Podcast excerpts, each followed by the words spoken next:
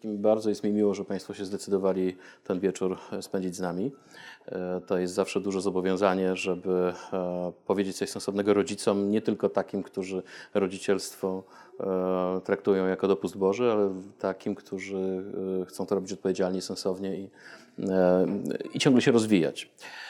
Ja będę mówił o dwóch głównych rzeczach. Znaczy trochę o roli ojca, dlatego że to jest dla mnie dosyć istotna kwestia, ale także o tym, jak w ogóle spędzamy czas z dziećmi, o pewnych wzorcach społecznych, które mamy i o tym, dlaczego ten czas jest w ogóle ważny. Ja myślę, że intuicyjnie czujemy, że, że on jest ważny, że on po coś jest, no ale, ale po co, y, to już jest trochę bardziej skomplikowana kwestia. Zacznijmy zatem, proszę Państwa, od pewnego przeglądu rzeczy, które znacząca część z Was zna, czyli podręczników y, dla sześciolatków. Ja świadomie użyłem takich podręczników dla sześciolatków, które były stosowane wtedy, kiedy ja byłem sześciolatkiem. E, myślę, że część z Państwa także je dosyć dobrze rozpozna, żebyśmy zobaczyli, w jaki sposób jest, byliśmy wdrażani niejako w role społeczne. Słynny podręcznik Mam 6 lat, który prawdopodobnie znacie. E, podręcznik, który znaczącą część nas wszystkich obejmował. To były jeszcze te czasy, kiedy podręczniki można było przez dwa albo trzy lata używać, prawda? Teraz to jest e, prawie że niemożliwe.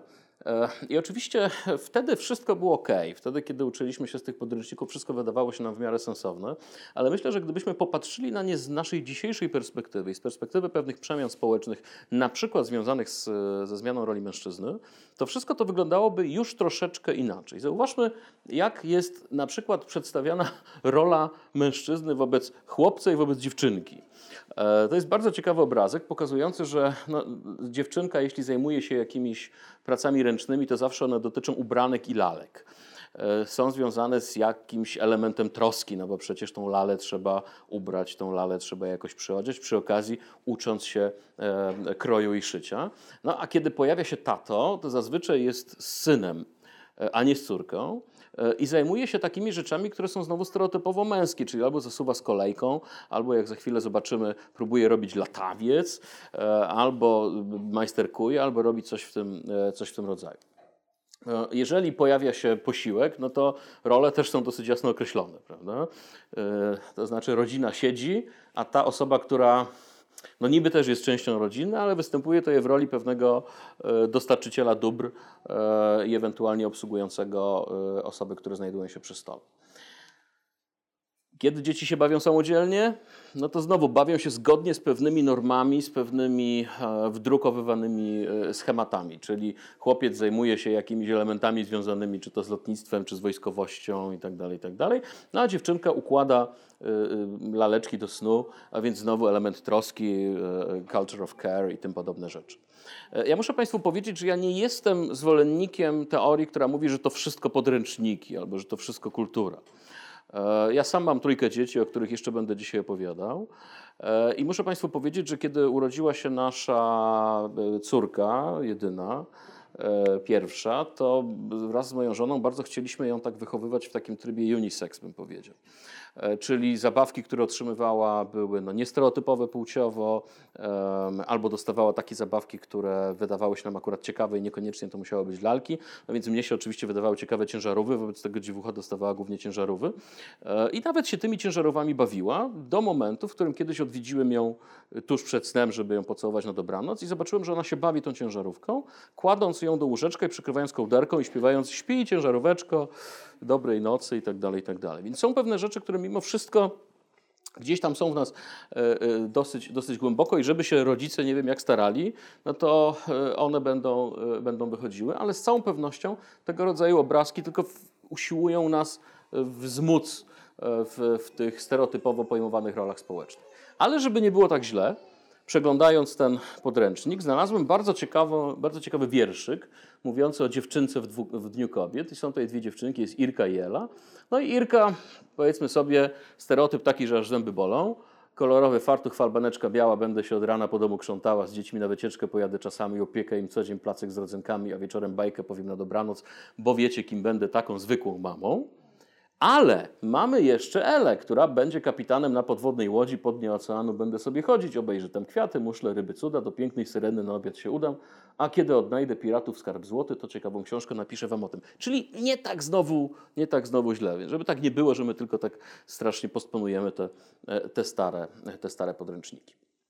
I tutaj chciałbym powiedzieć dwa słowa o roli ojca w wychowaniu dziecka, a raczej o pewnych oczekiwaniach społecznych, e, które wobec, tego, e, wobec tej roli są formułowane. I e, z jednej strony mamy taką grupę tematów, które możecie, możemy znaleźć na różnego rodzaju serwisach internetowych typu parenting.pl, gdzie ludzie w ogóle zadają sobie to pytanie, znaczy jaka jest rola ojca w wychowaniu dziecka? Czy ona jest czysto wspomagająca, czy ona jest zupełnie samodzielna, czy ojciec ma być mamą wtedy, kiedy mamy nie ma, czy ojciec ma być jakąś zupełnie inną wartością e, i tak dalej, i tak dalej, i tak dalej. Ale oczywiście, jeśli się wpisze hasło rola ojca, to często pojawiają się teksty w rodzaju od czego zależy wysokość alimentów, prawda? E, albo jak uniknąć ich płacenia, bo i takie fora internetowe możecie zupełnie spokojnie znaleźć wtedy, kiedy przeszukacie, przeszukacie internet. A więc tak naprawdę mm, nasz pomysł na rolę ojca jest gdzieś pomiędzy tymi dwoma skrajnościami, prawda? Czyli z jednej strony ojciec, który robi wszystko i ma być po prostu wersją mamy, e, ale z drugiej strony e, ojciec, który ma zrobić absolutnie tyle, ile do, do, do czego go prawo zobowiązuje, a resztą się specjalnie e, nie przejmować ani nie interesować. Chciałbym Państwu przedstawić niejakiego Ronalda Ronera. To jest człowiek, który założył tak naprawdę, ciągle jest dyrektorem czegoś, co się nazywa Center for the Study of Interpersonal Acceptance and Rejection na University of Connecticut, czyli w wolnym tłumaczeniu Centrum e, Badań nad. Mm, no właśnie, chciałem nie, nie używać słowa interpersonalne, ale powiedzmy sobie nad e, akceptacją i odrzuceniem pomiędzy ludźmi. To, czym się zajmuje e, Ronald Roner, to jest właśnie problem odrzucenia. Odrzucenia, zwłaszcza odrzucenia dziecka. I Roner mówi tak, że teraz dowiadujemy się, czy odnajdujemy bardzo wyraźne dane, które mówią, że nie tylko ojciec w ogóle ma jakiś wpływ, bo to do pewnego momentu go było kwestionowane, e, ale czasem ten wpływ e, jest zdecydowanie bardziej istotny z perspektywy rozwoju dziecka niż wpływ matki. A zatem, zwłaszcza w niektórych obszarach, o których za chwilę powiem, rola ojca może być nawet wyraźniejsza niż rola, niż rola matki. E, Roner e, stworzył taką teorię, którą w 2012 roku opublikował, która mówi o konsekwencjach odrzucenia bądź akceptacji e, dziecka w, w rodzinie. Z jednej strony oczywiście mamy akceptację dziecka, która związana jest z pewnym wyrażaniem emocji, wyrażaniem uczuć, ciepłem itd. Tak Ono oczywiście może mieć zarówno charakter fizyczny, jak i werbalny. No, jak możemy wyrażać uczucia dziecku? No, poprzez przytulanie, pocałunki, e, e, e, różnego rodzaju zabawy, dotyk itd., tak itd. Tak Ale oczywiście mogą to być także kwestie słowne, czyli różnego rodzaju komplementy, chwalenie, mówienie miłych rzeczy i tym podobne kwestie. Bardzo poważne dylematy zaczynają się wtedy, kiedy mówimy o odrzuceniu. Mamy tutaj przynajmniej trzy rodzaje odrzucenia. Pierwsza to jest po prostu wrogość i agresja związana z, z, z wrogością, która jest wyrażana w stosunku do dziecka. E, I ona oczywiście znowu mieć, może mieć charakter fizyczny, może mieć charakter e, werbalny. No, kwestie fizyczne, jak sądzę, są dla Państwa dosyć, dosyć jasne i oczywiste. Jeśli chodzi o kwestie werbalne, no to można tutaj mówić o pewnym sarkazmie, o pewnym wykpiwaniu, o e, mówienie bezmyślnie nieprzyjemnych rzeczy w stosunku do dziecka, używanie kwantyfikatorów ogólnych w rodzaju ty to zawsze taki jesteś, prawda, i tak dalej, i tak dalej, co z perspektywy teorii akceptacji i odrzucenia jest uznawane za agresję. Mm, są tacy, którzy twierdzą, że złośliwość jest wypartą agresją, tak? Y, czyli że różnego rodzaju złośliwe uwagi pod adresem e, e, na przykład naszych dzieci mogą być traktowane jako pewne zwerbalizowane, ale jednak działania, działania agresywne. I to, co nas y, powinno najbardziej interesować z perspektywy tego, o czym dzisiaj będziemy rozmawiali, to są te dwa elementy. To znaczy e, obojętność, a więc sytuacja, w której ktoś jest nawet fizycznie obecny, ale jednocześnie jest de facto obojętny, niespecjalnie interesuje się tym, co jest y, dookoła niego, zwłaszcza, zwłaszcza dzieckiem, czyli e, zarówno fizyczna, ale także psychologiczna niemożność bycia rodzicem. E, I oczywiście e, taka niezróżnicowana, takie niezróżnicowane odrzucenie, kiedy dziecko czuje się po prostu niekochane, nieakceptowane, e, wobec którego dziecka nie wyraża się, się troski. Ja, proszę Państwa, co jest dosyć ważne z perspektywy akurat tych problemów, o których teraz opowiadamy. Jestem mieszkańcem Śląska-Polskiego, ja nie, nie, mieszkam we Wrocławiu. Opolszczyzna jest terenem, na którym w ciągu kilkunastu ostatnich lat został wykonany E, kompletnie nieintencjonalnie, jeden z naj, najbardziej gigantycznych eksperymentów na rodzicielstwie, jaki można sobie wyobrazić. Jest on związany z gigantyczną ilością rodziców, którzy wyjechali e, zarabiać pieniądze na zachód. E, Holandia, Niemcy, Anglia itd., tak itd. Tak Głównie Niemcy i Holandia. Na Opolszczyźnie mamy przynajmniej kilkanaście tysięcy, tak się ocenia, dzieci, które w którymś okresie swojego życia były bez obojga rodziców, ale jednocześnie nie były sierotami, w tym znaczeniu, że ci rodzice byli nieobecni przez dłuższy czas ich funkcjonowania. Najczęściej byli pod opieką dziadków. Tak zwane eurosieroty, tak, można tak o nich, można tak o nich powiedzieć. E, kłopot polega na tym, że z formalnego punktu widzenia te dzieci miały rodziców. E, co więcej, miały nawet opiekę. Tak? To znaczy, była jakaś osoba wokół nich, która sprawowała opiekę, ale jednocześnie zupełnie spokojnie możemy stwierdzić, że te dzieci występowały w takiej oto sytuacji. To znaczy, ci rodzice byli kompletnie nieobecni. Byli obecni na weekendy raz na 6 tygodni, na przykład, bo w takim systemie najczęściej się pracuje e, w, w Holandii bądź w Niemczech. A zatem mamy do czynienia z mniej więcej takim, e, taką sytuacją. No i teraz co to może powodować? E, po pierwsze, chciałbym Państwu wyraźnie pokazać, że oprócz takiej fizycznej nieobecności, mamy jeszcze nieobecność psychiczną. To znaczy, mamy pewnych rodziców, którzy jakkolwiek fizycznie w domu obecni, de facto nie pozostają w związkach z osobami, które, z którymi tworzą rodzinę. To znaczy, ich fizyczność sprowadza się tylko na przykład do wykonywania pewnych czynności, na które się zgodziliśmy. Powiedzmy, że jest to kwestia dowożenia, odwożenia dzieci do szkoły na zajęcia dodatkowe itd., tak itd., tak ale de facto tej psychicznej obecności nie ma. E, metaanalizy Ronera robione od 1986 e, roku e, pokazują, że de facto kompletnie niezależnie od różnego rodzaju czynników, czy to kulturowych, czy etnicznych, i, i, i czy, czy to geograficznych, znacząca część takiego dostosowania do życia w społeczeństwie, mówi się, że około 26% wariancji u dzieci, 21% dorosłych, jest związana z takim wymiarem akceptacji odrzucenia. Czyli ci ludzie, którzy nie potrafią dostosować się do normalnego funkcjonowania w społeczeństwie, to są w, w przypadku dzieci ponad 1 czwarta, w przypadku y, y, dorosłych prawie 1 piąta, osoby, które w jakiś sposób zostały odrzucone. To nie musi być odrzucenie formalne w, w rodzaju na przykład rozwodu rodziców, ale to może być takie odrzucenie związane na przykład, na przykład z psychiczną nieobecnością któregoś z rodziców albo obojga rodziców y, w domu. Do czego to może prowadzić? No to są różnego rodzaju badania pokazujące, e, w jaki sposób to odrzucenie, czy brak miłości rozumiany jako codzienna troska, e, obecność aktywna itd., tak e, jakie konsekwencje może powodować u dziecka i później u dorosłego.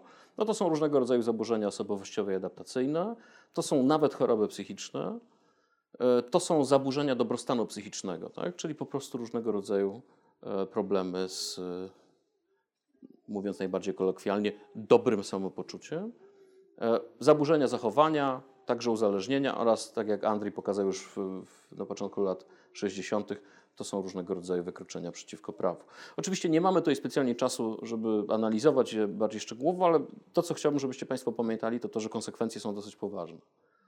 Nie są to rzeczy, które można w jakikolwiek sposób zignorować. I teraz przechodzimy do badań dosyć świeżych, które pokazują, jak to jest z tym naszym zaangażowaniem. To są badania, które muszę Państwu powiedzieć, zrobiły na mnie gigantyczne wrażenie.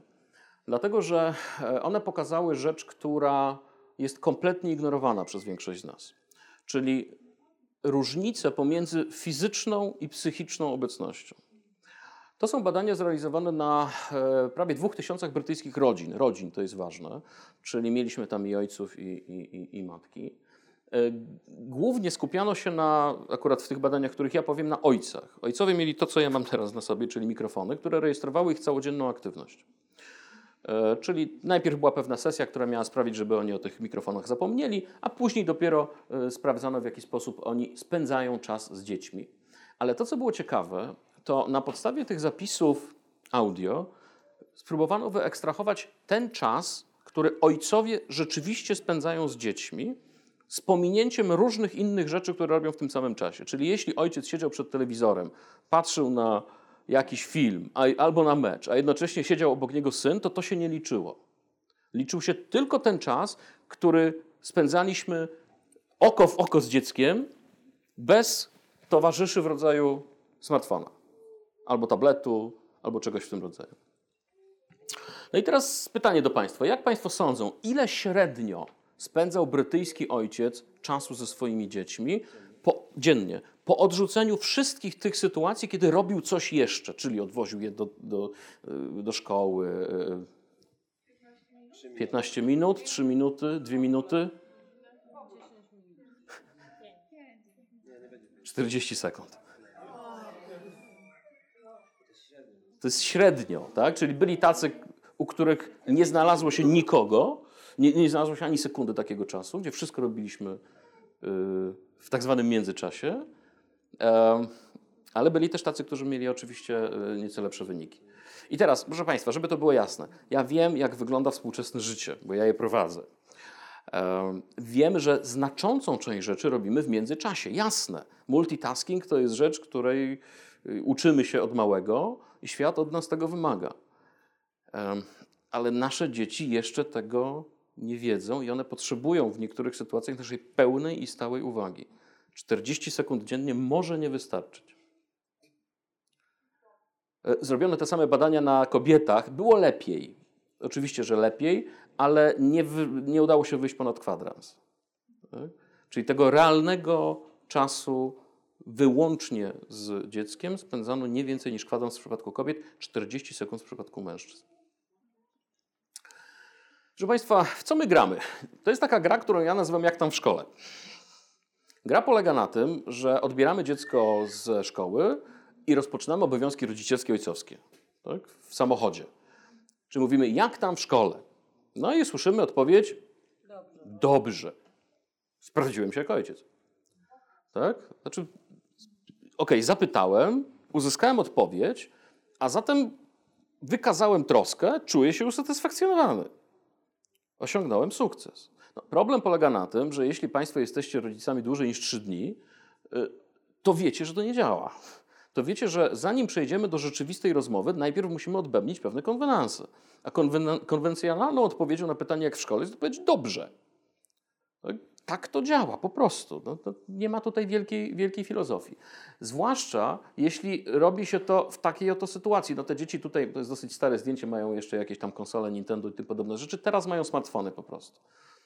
Tak? To jest w ogóle temat na osobne spotkanie. Tak? Widziałem ostatnio bardzo interesujące badania pokazujące, że przeciętny polski gimnazjalista spędza w sieci 17 godzin dziennie. No jeśli ma smartfona, który jest cały czas podłączony do internetu, znaczy ja to widzę po swoich studentach, prawda? No, tutaj są na sali moi byli studenci, oni jeszcze nie mieli tych nieszczęsnych smartfonów, ale teraz y, jedna z moich koleżanek zrobiła taki eksperyment, kazała wrzucić wszystkie smartfony do skrzyneczki, to studenci mieli normalne objawy odstawienne, nie? jakieś dygoty, jakieś takie rąk.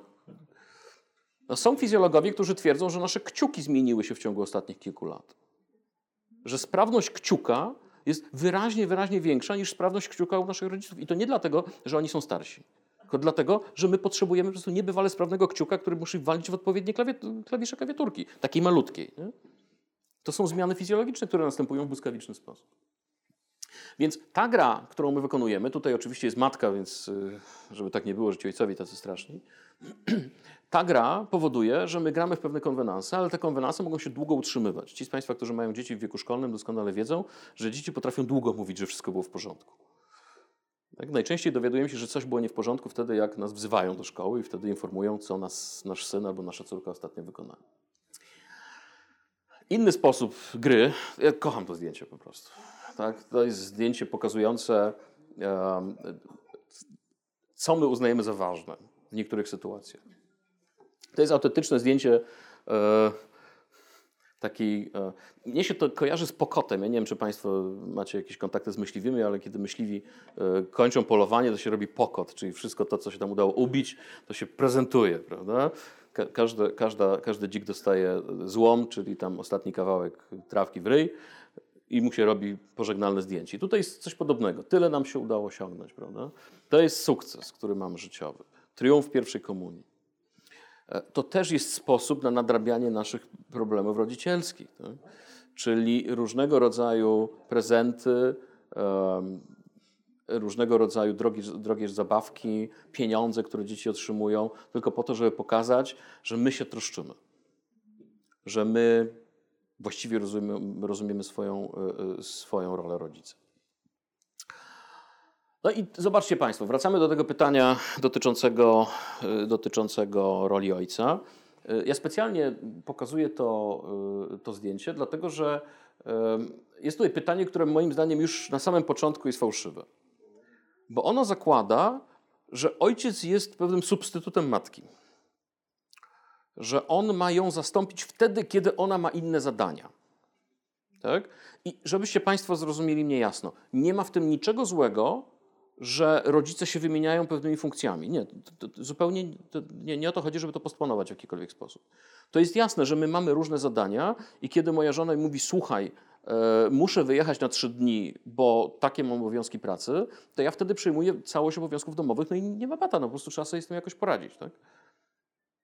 I wtedy tata musi mamę zastąpić, ale to nie może być e, zadanie sobie pytania, w czym ja mogę zastępować swoją żonę, czy moją partnerkę, czy, czy jakkolwiek byśmy to określili, i tylko w tym będzie się wyrażało moje ojcostwo.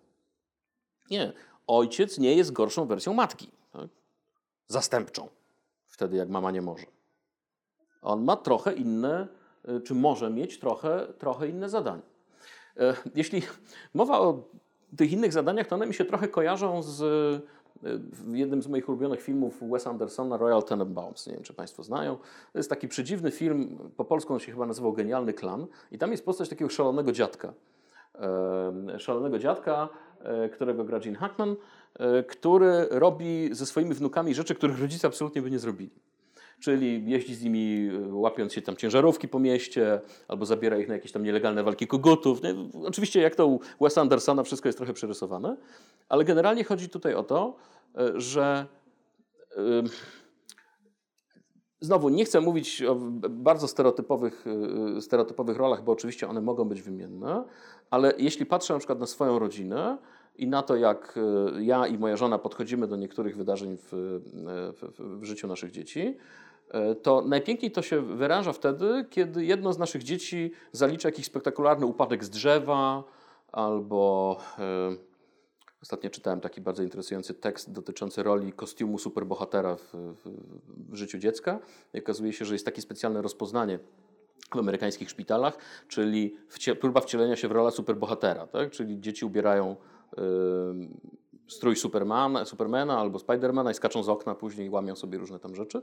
Jak to elegancko napisano w tym tekście, powodem urazów jest rozpoczęcie lotu bez zaplanowanej strategii lądowania. Nie ujęło w ogóle to sformułowanie. Tak? I teraz, kiedy nasze dzieci coś takiego robią, no to y, moja żona oczywiście podbiega i zaczyna przytulać, i mówić, wszystko będzie dobrze, okej, nic się nie stało. Natomiast ja pierwsze co robię, to sprawdzam zniszczenia. Tak? Oczywiście zniszczenia w dziecku, a nie zniszczenia tam y, spodni czy czegoś, tylko mówię, okej, jak noga, w porządku, nie krwawi, okej, poruszaj w lewo, w prawo, dobra, będziesz żył, w porządku. Nie? I to tak z grubsza pokazuje, jak to wygląda w naszej rodzinie, choć oczywiście to nie jest, y, to nie jest koniecznie tak, że wszyscy muszą robić to w ten sam, w ten sam sposób. O, to są oni. Znaczy o, ona i oni. E, chciałbym Państwu przedstawić. To są moje dzieci. E, dzieci, które wymagają y, dosyć szczególnej uwagi, głównie ze względu na tego młodego człowieka, który ma pseudonim e, rodzinny Cypis. E, Nie wiem, czy Państwo pamiętają Cypisa. Cypis to był kolega pana Sułka z pan, kocham, panią, kocham pana panie Sułku. Tak, takie kiedyś było słuchowisko. I Cypis był takim idolem pana Sułka, bo Cypis właśnie tam zawsze zjadł żabę, albo kałamarz przewrócił, albo obraził dyrektora i tak dalej, i tak dalej. Nie wiem, czy Państwo są, widzieli, są takie popularne filmy, gdzie dziecku wszczepia się implant słuchu i ono nagle słyszy i tak się zaczyna rozglądać. To w ogóle wzruszające historie. I tu mamy ojca, który nagle słyszy ciszę, czyli ktoś ucisza dzieci i on tak właśnie się zachowuje mniej więcej w ten sposób. Jak wpiszecie sobie, to coś takiego znajdziecie. Przepraszam, to są moje przygody z makiem, na razie 1-0 dla niego.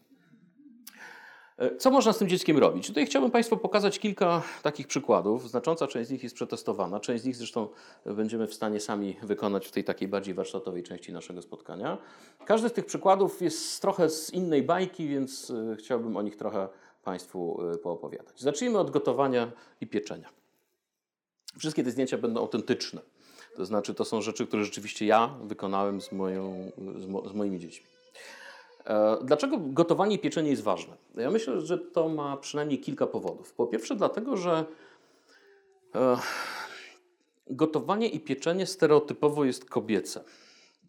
Ja bardzo chciałbym nauczyć swoje dzieci, że wcale tak nie musi być. E, że gotowanie i pieczenie w naszym domu jest jakoś tam dzielone pomiędzy, pomiędzy moją żonę i mnie i kiedy, jedno, kiedy nasze dzieci zostały ostatnio zapytane przez jakąś osobę z zewnątrz, e, kto w domu gotuje, no to powiedziały i tata, i mama, a kto gotuje lepiej? Padło pytanie. I tutaj padła odpowiedź, która mnie po prostu niebywale zaskoczyła, ale także niebywale zbudowała, bo moja córka powiedziała, to zależy co. I to było fantastyczne, bo to pokazywało, że ja nie jestem zastępczym kucharzem wtedy, jak już trzeba zjeść coś ciepłego, a mamy nie ma w domu, tylko że są pewne rzeczy, które ja robię lepiej, a są pewne rzeczy, które robi lepiej moja żona.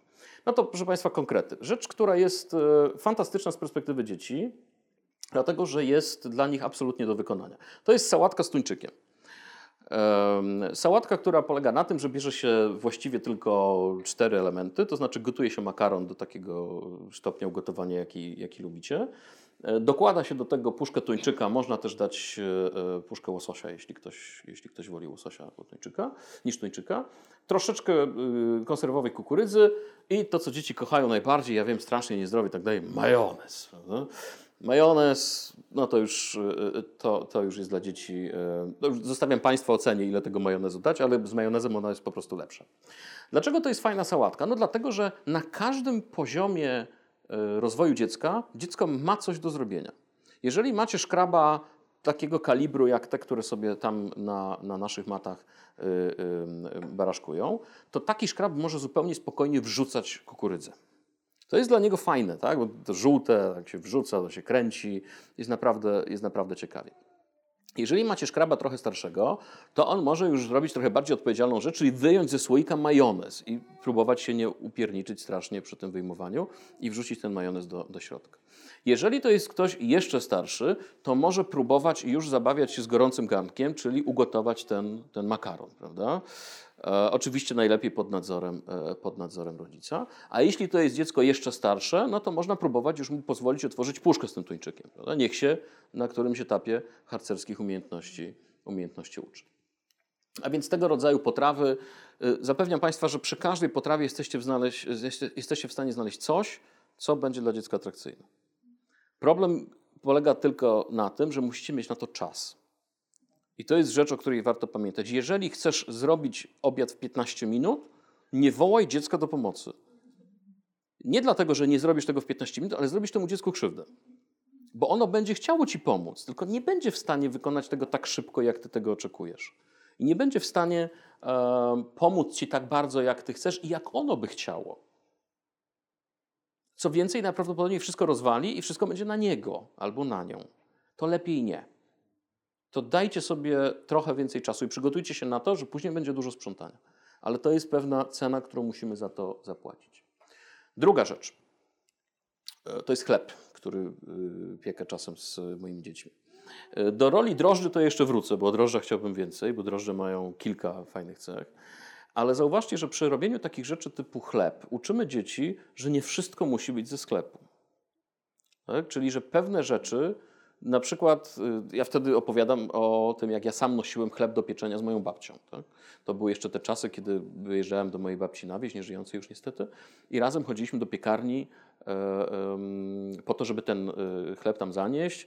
E, później trzeba było odpękać swoje, zanim ten chleb tam wyrósł, upiekł się, odebrać go i tak dalej, i tak dalej.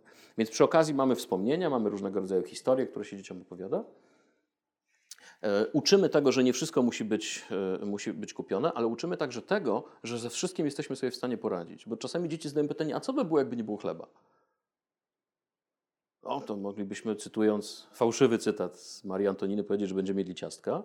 E, ale możemy też powiedzieć, nie ma takiej rzeczy, której nie jesteśmy w stanie sobie w domu zrobić. Mamy zawsze jakieś, jakieś zastępstwo, jesteśmy w stanie zrobić coś innego. Kiedyś ludzie po prostu piekli w domu, w domu chleb i nie było z tym specjalnego problemu. Kolejna rzecz. Pamiętajcie Państwo, że wspólne przygotowywanie jedzenia jest czynnikiem silnie jednoczącym ludzi. Zauważcie, że wspólne przygotowywanie jedzenia ma, ma w sobie coś atawistycznego. To jest trochę tak jak taka wspólnota, którą kiedyś się tworzyło. Wspólnota stołu jest jedną z najważniejszych, jakie możemy sobie wyobrazić.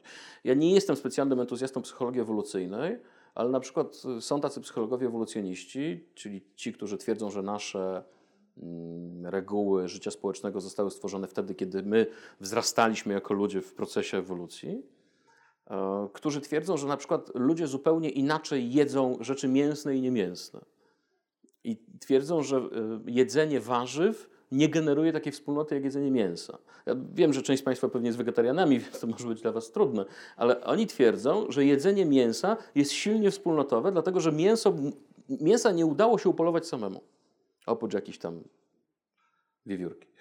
E, jak trzeba było mamuta ukatrupić, no to trzeba było jednak mieć, mieć zespół. Nie?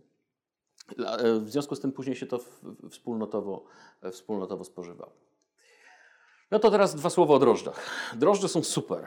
Ja strasznie lubię zabawę z drożdżami, dlatego że drożdże uczą nas bardzo, bardzo wielu rzeczy. Po pierwsze, uczą nas pracy z żywym organizmem, bo drożdże są żywym organizmem, prawda? Drożdże są grzybami, z którymi trzeba jakoś współpracować i trzeba im zapewnić troskę, żeby one z nami współpracowały. No to co, co trzeba im zapewnić? Trzeba im zapewnić jedzenie, bo trzeba drożdżowi dać cukier, e, trzeba drożdżowi dać e, ciepło i trzeba drożdżowi dać czas. A więc to wszystko, czego my potrzebujemy jako rodzice, prawda? To trochę taka metafora bycia, rodziciel, bycia rodzicem wtedy, kiedy pracujemy z drożdżami. Co więcej, drożdże są genialnym, genialną podstawą do uczenia dzieci biochemii. Ja wiem, że to trochę wcześnie się wydaje, ale biochemia jest świetna, bo pokazuje na przykład, dlaczego ciasto rośnie. Tak? I wtedy tłumaczymy, że ten drożdż, to on musi zjeść cukier, ale jak zje cukier, to produkuje dwutlenek węgla i ten dwutlenek węgla uwięziony w cieście zaczyna robić bąbelki. Te bąbelki tworzą nam pulchne ciasto. Prawda? Więc wszystkie tego rodzaju rzeczy są naprawdę fantastyczne i zależnie od poziomu rozwoju dziecka możemy to różnie tłumaczyć. Kiedy mówisz małemu dziecku o drożdżu, to lepiej, lepiej mów o takim grzybku, który je i który później e, puchnie z tego wszystkiego i później się rozmnaża i tak dalej, i tak dalej. Ono to przejmuje. Kiedy rozmawiasz już z 10 czy 11-latką, no to możesz wytłumaczyć, ok, to jest taka reakcja, że tutaj mamy, e, tutaj mamy drożdża, tutaj mu dajemy pożywienie, on przekształca jedno w drugie, przy okazji produkując dodatkowe elementy. Co można zrobić? To są wszystko moje rzeczy, moje wypieki. E, tutaj mamy hałę. Hała jest w ogóle super, bo przy okazji hały można mówić o wpływie e, kultury żydowskiej na kulturę polską. W kuchni się wszystko miesza. E, więc kuchnia jest w ogóle genialnym narzędziem do opowiadania, opowiadania o tym, jak się mieszają, mieszają kultury. Wtedy, kiedy się robi, kiedy się ma trochę czasu, można, można takie rzeczy dzieciom poopowiadać bez, bez żadnego problemu. To jest akurat pizza, ale pizza z ziemniakami. Nie wiem, czy Państwo kiedyś jedli pizzę z ziemniakami.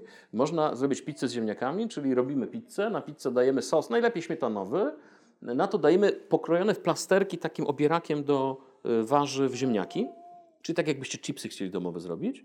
I kładziecie to na, na pizzę, surowe.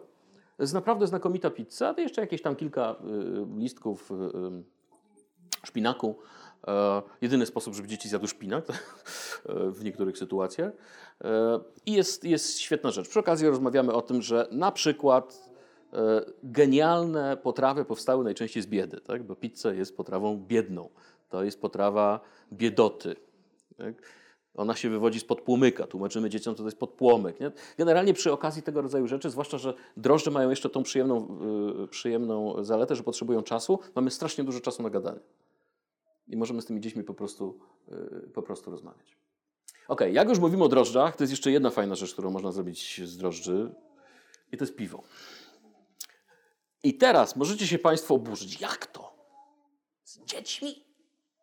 Piwo? Tak. Ja jestem przekonany, że tak. Dlaczego? Dlatego, że pokazujemy, oczywiście nie pozwalamy dzieciom pić tego piwa, to jest jasne, tak? Dla mnie, dla mnie również. Ale pokazujemy, że to jest normalna rzecz że to nie jest pewien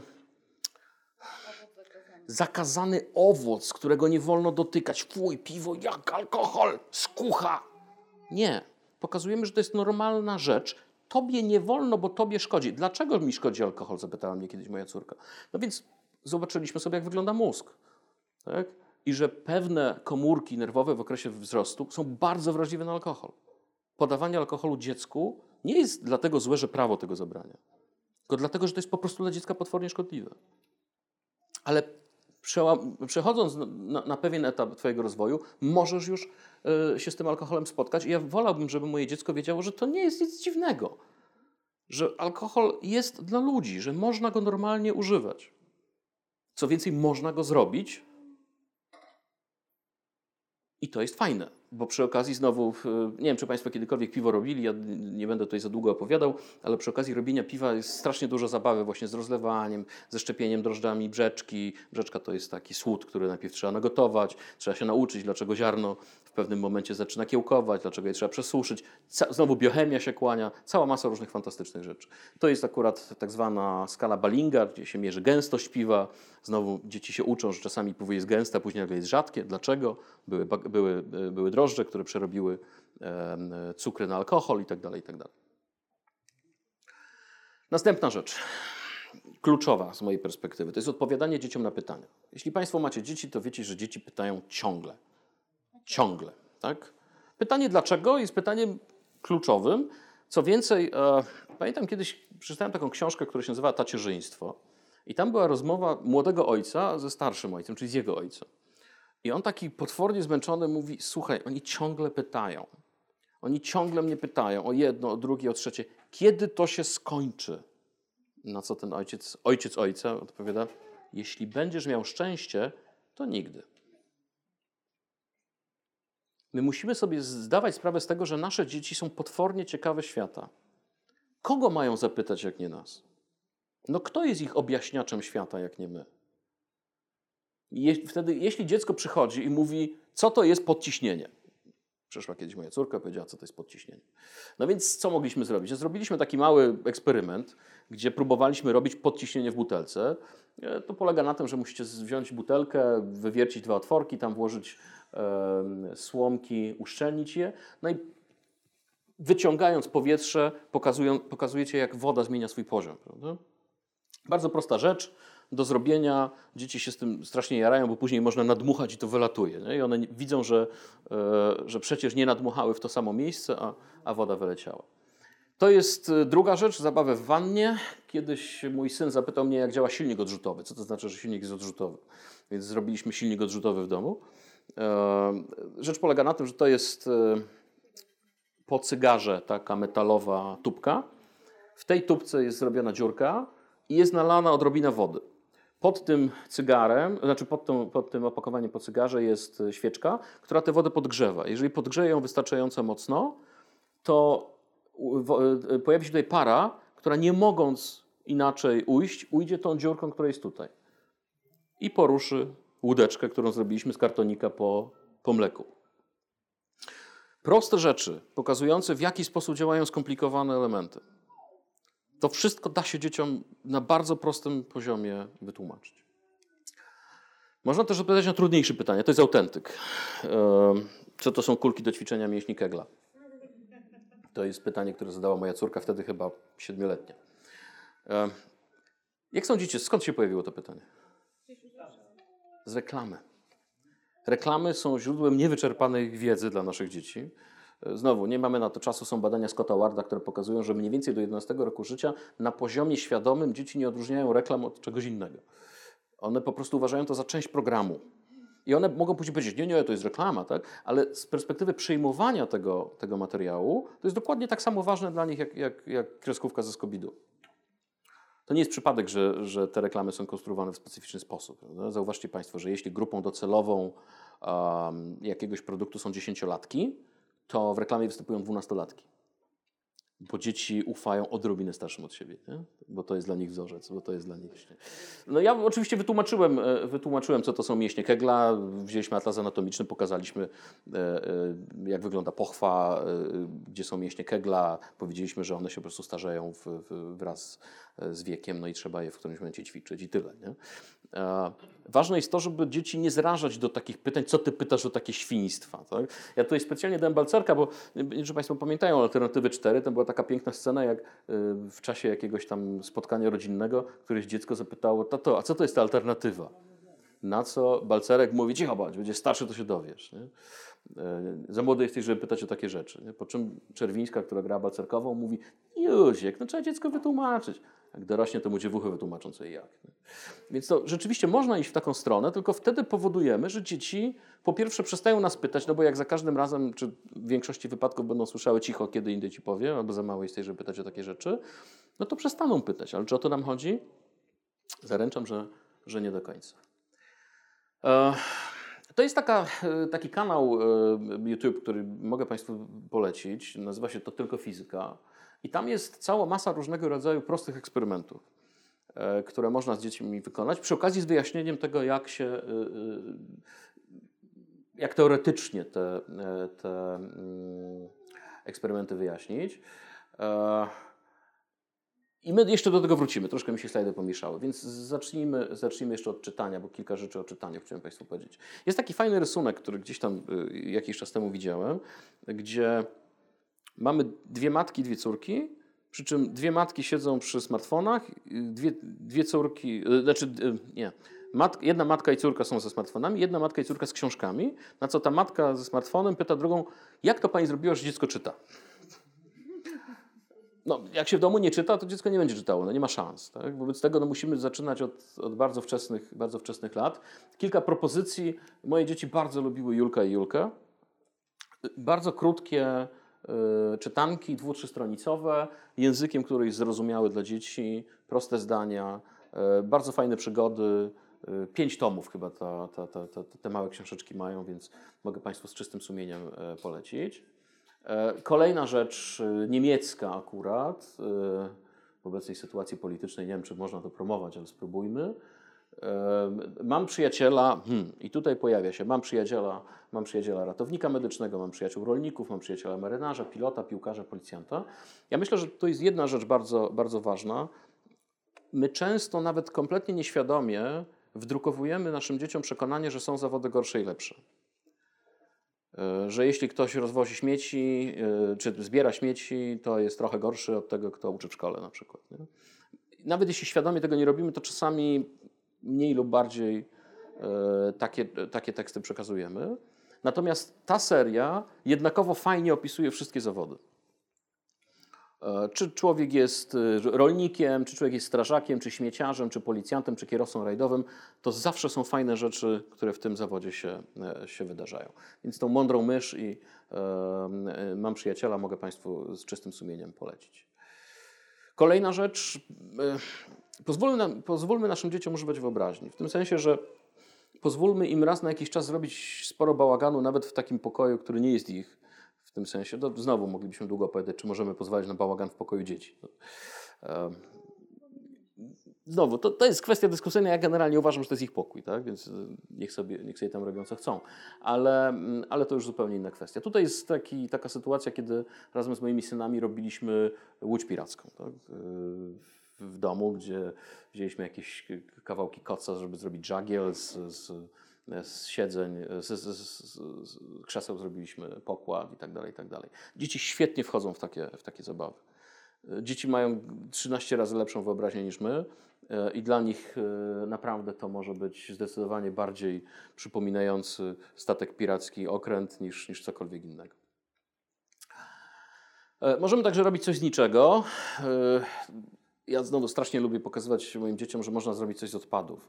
Na przykład jak nie wiem, smażymy racuchy albo zrobimy coś takiego, to zawsze jest problem, co zrobić z olejem. I wtedy z, z, tego oleju robimy lampki takie, takie oliwne. To jest bardzo prosta rzecz.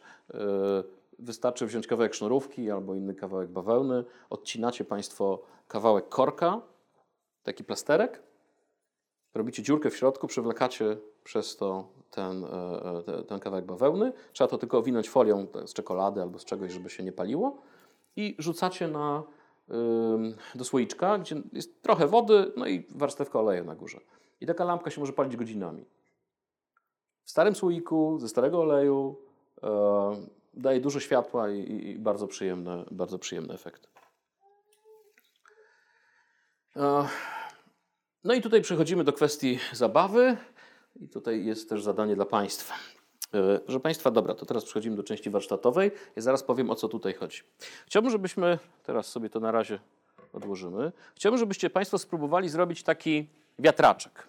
Wiatraczek jest e, dosyć prosty. E, trzeba najpierw, chciałbym, żebyście Państwo sobie pobrali kartki.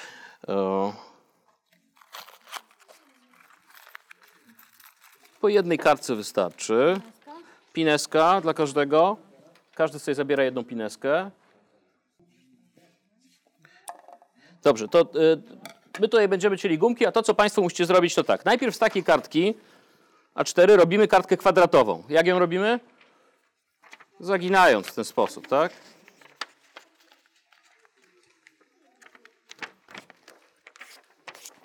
Ten sposób to, co nam tutaj pozostaje, możemy od razu dziecku powiedzieć o twierdzeniu Pitagorasa, jak ktoś bardzo chce. Tą resztę musimy odrzucić. Możemy ją albo oderwać, albo mamy tutaj nożyczki. Teraz zaginamy ją w drugą przekątną, tak żeby mieć... Dobra. I teraz musimy po tych przekątnych, które, które sobie ustaliliśmy, przeciąć, ale nie do końca. Możecie sobie Państwo, jeśli macie na przykład ołówek albo coś, wyrysować, jakieś takie kółko o średnicy powiedzmy 2 cm, żeby w środku zostało to nieprzecięte. Nie?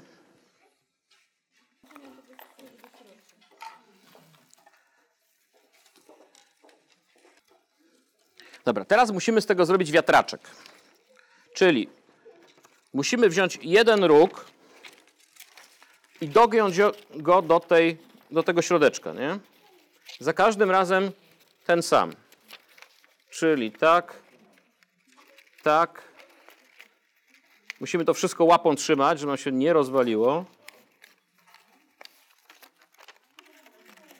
I to musimy dopiąć do tej gumki. Czyli z jednej strony dajemy gumkę, a z drugiej strony przypinamy pineską.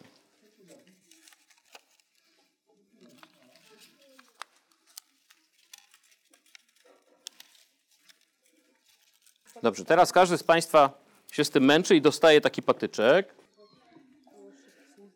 Dobra, teraz w tę gumkę wbijamy patyczek. Dosyć delikatnie, żeby nam się to nie rozwaliło, bo gumki są kruche. Najlepszym surowcem jest korek. Kawałeczek korka, taki jak ten, byłby zdecydowanie lepszy, ale okazuje się, że strasznych mam abstynentów dookoła siebie i nikt nie mógł tyle korków przynieść, więc musieliśmy gumki wziąć. Więc wbijamy to.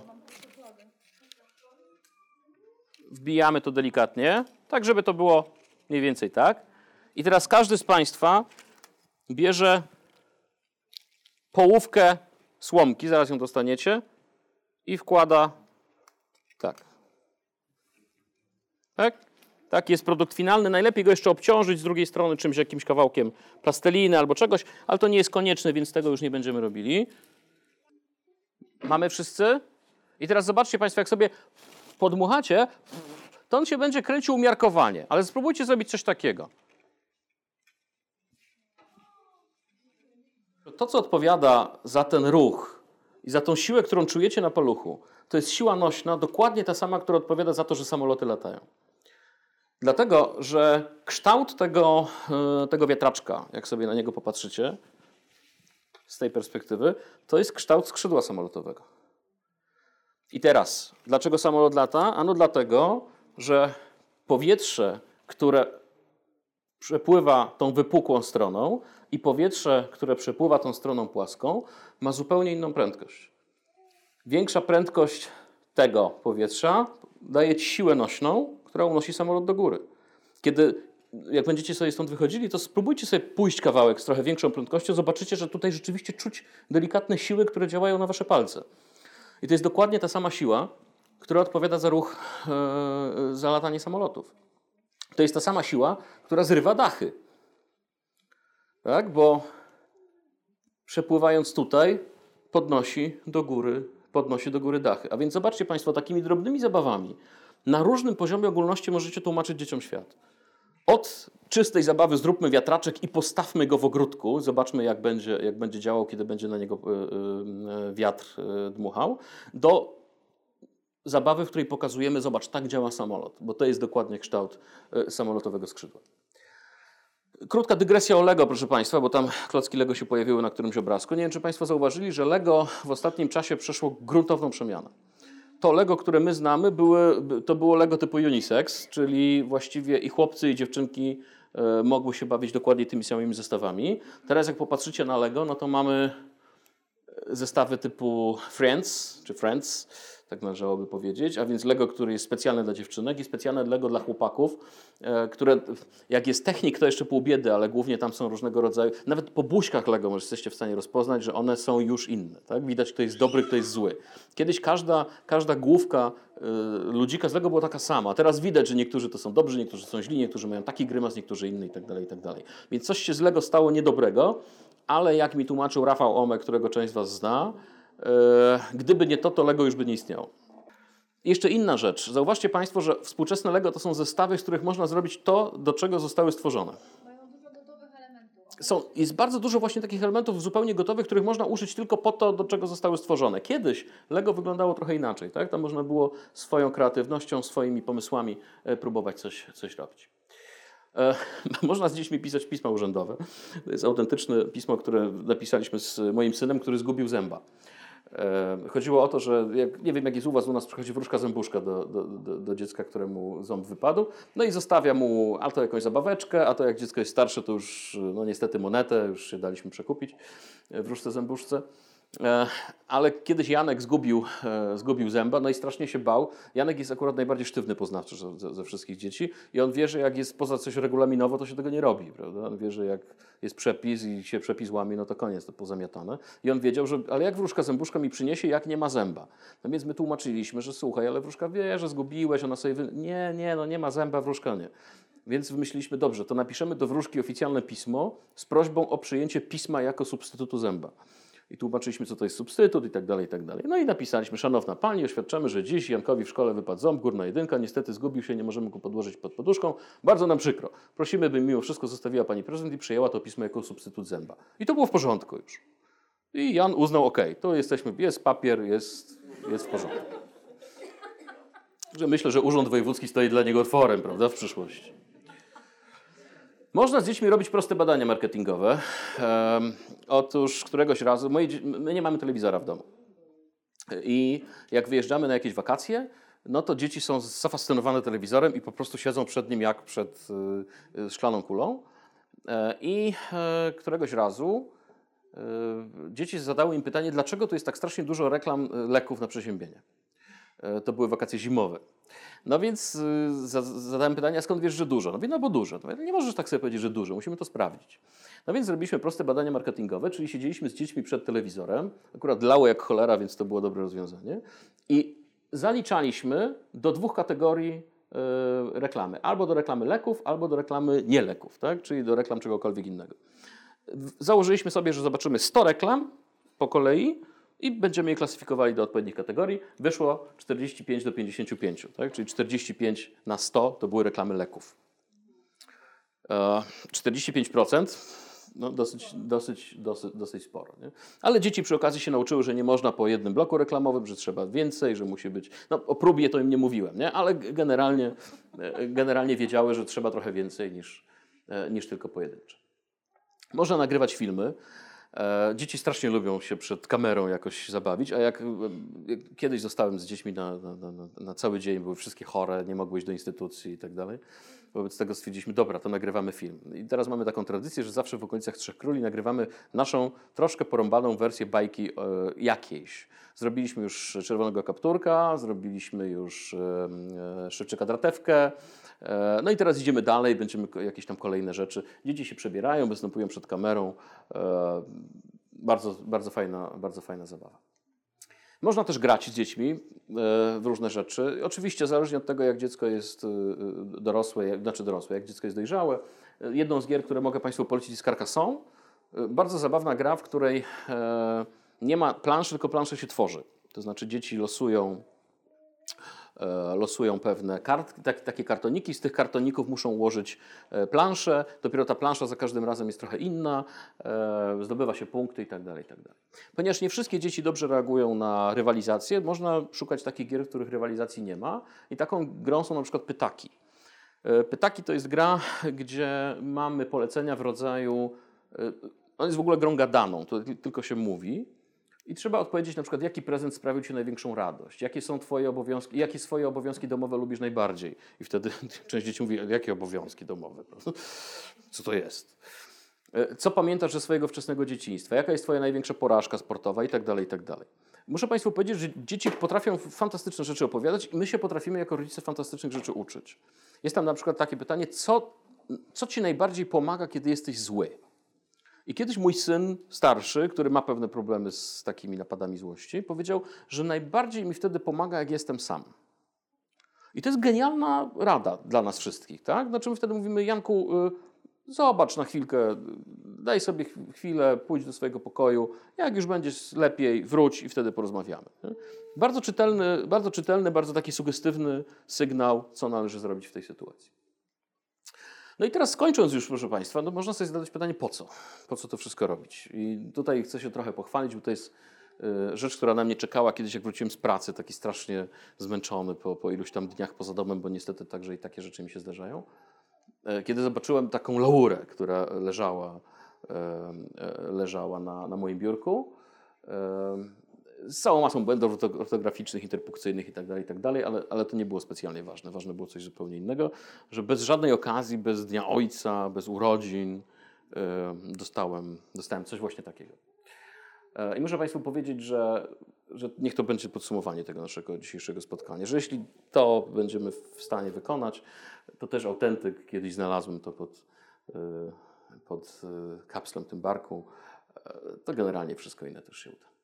Bardzo Państwu dziękuję.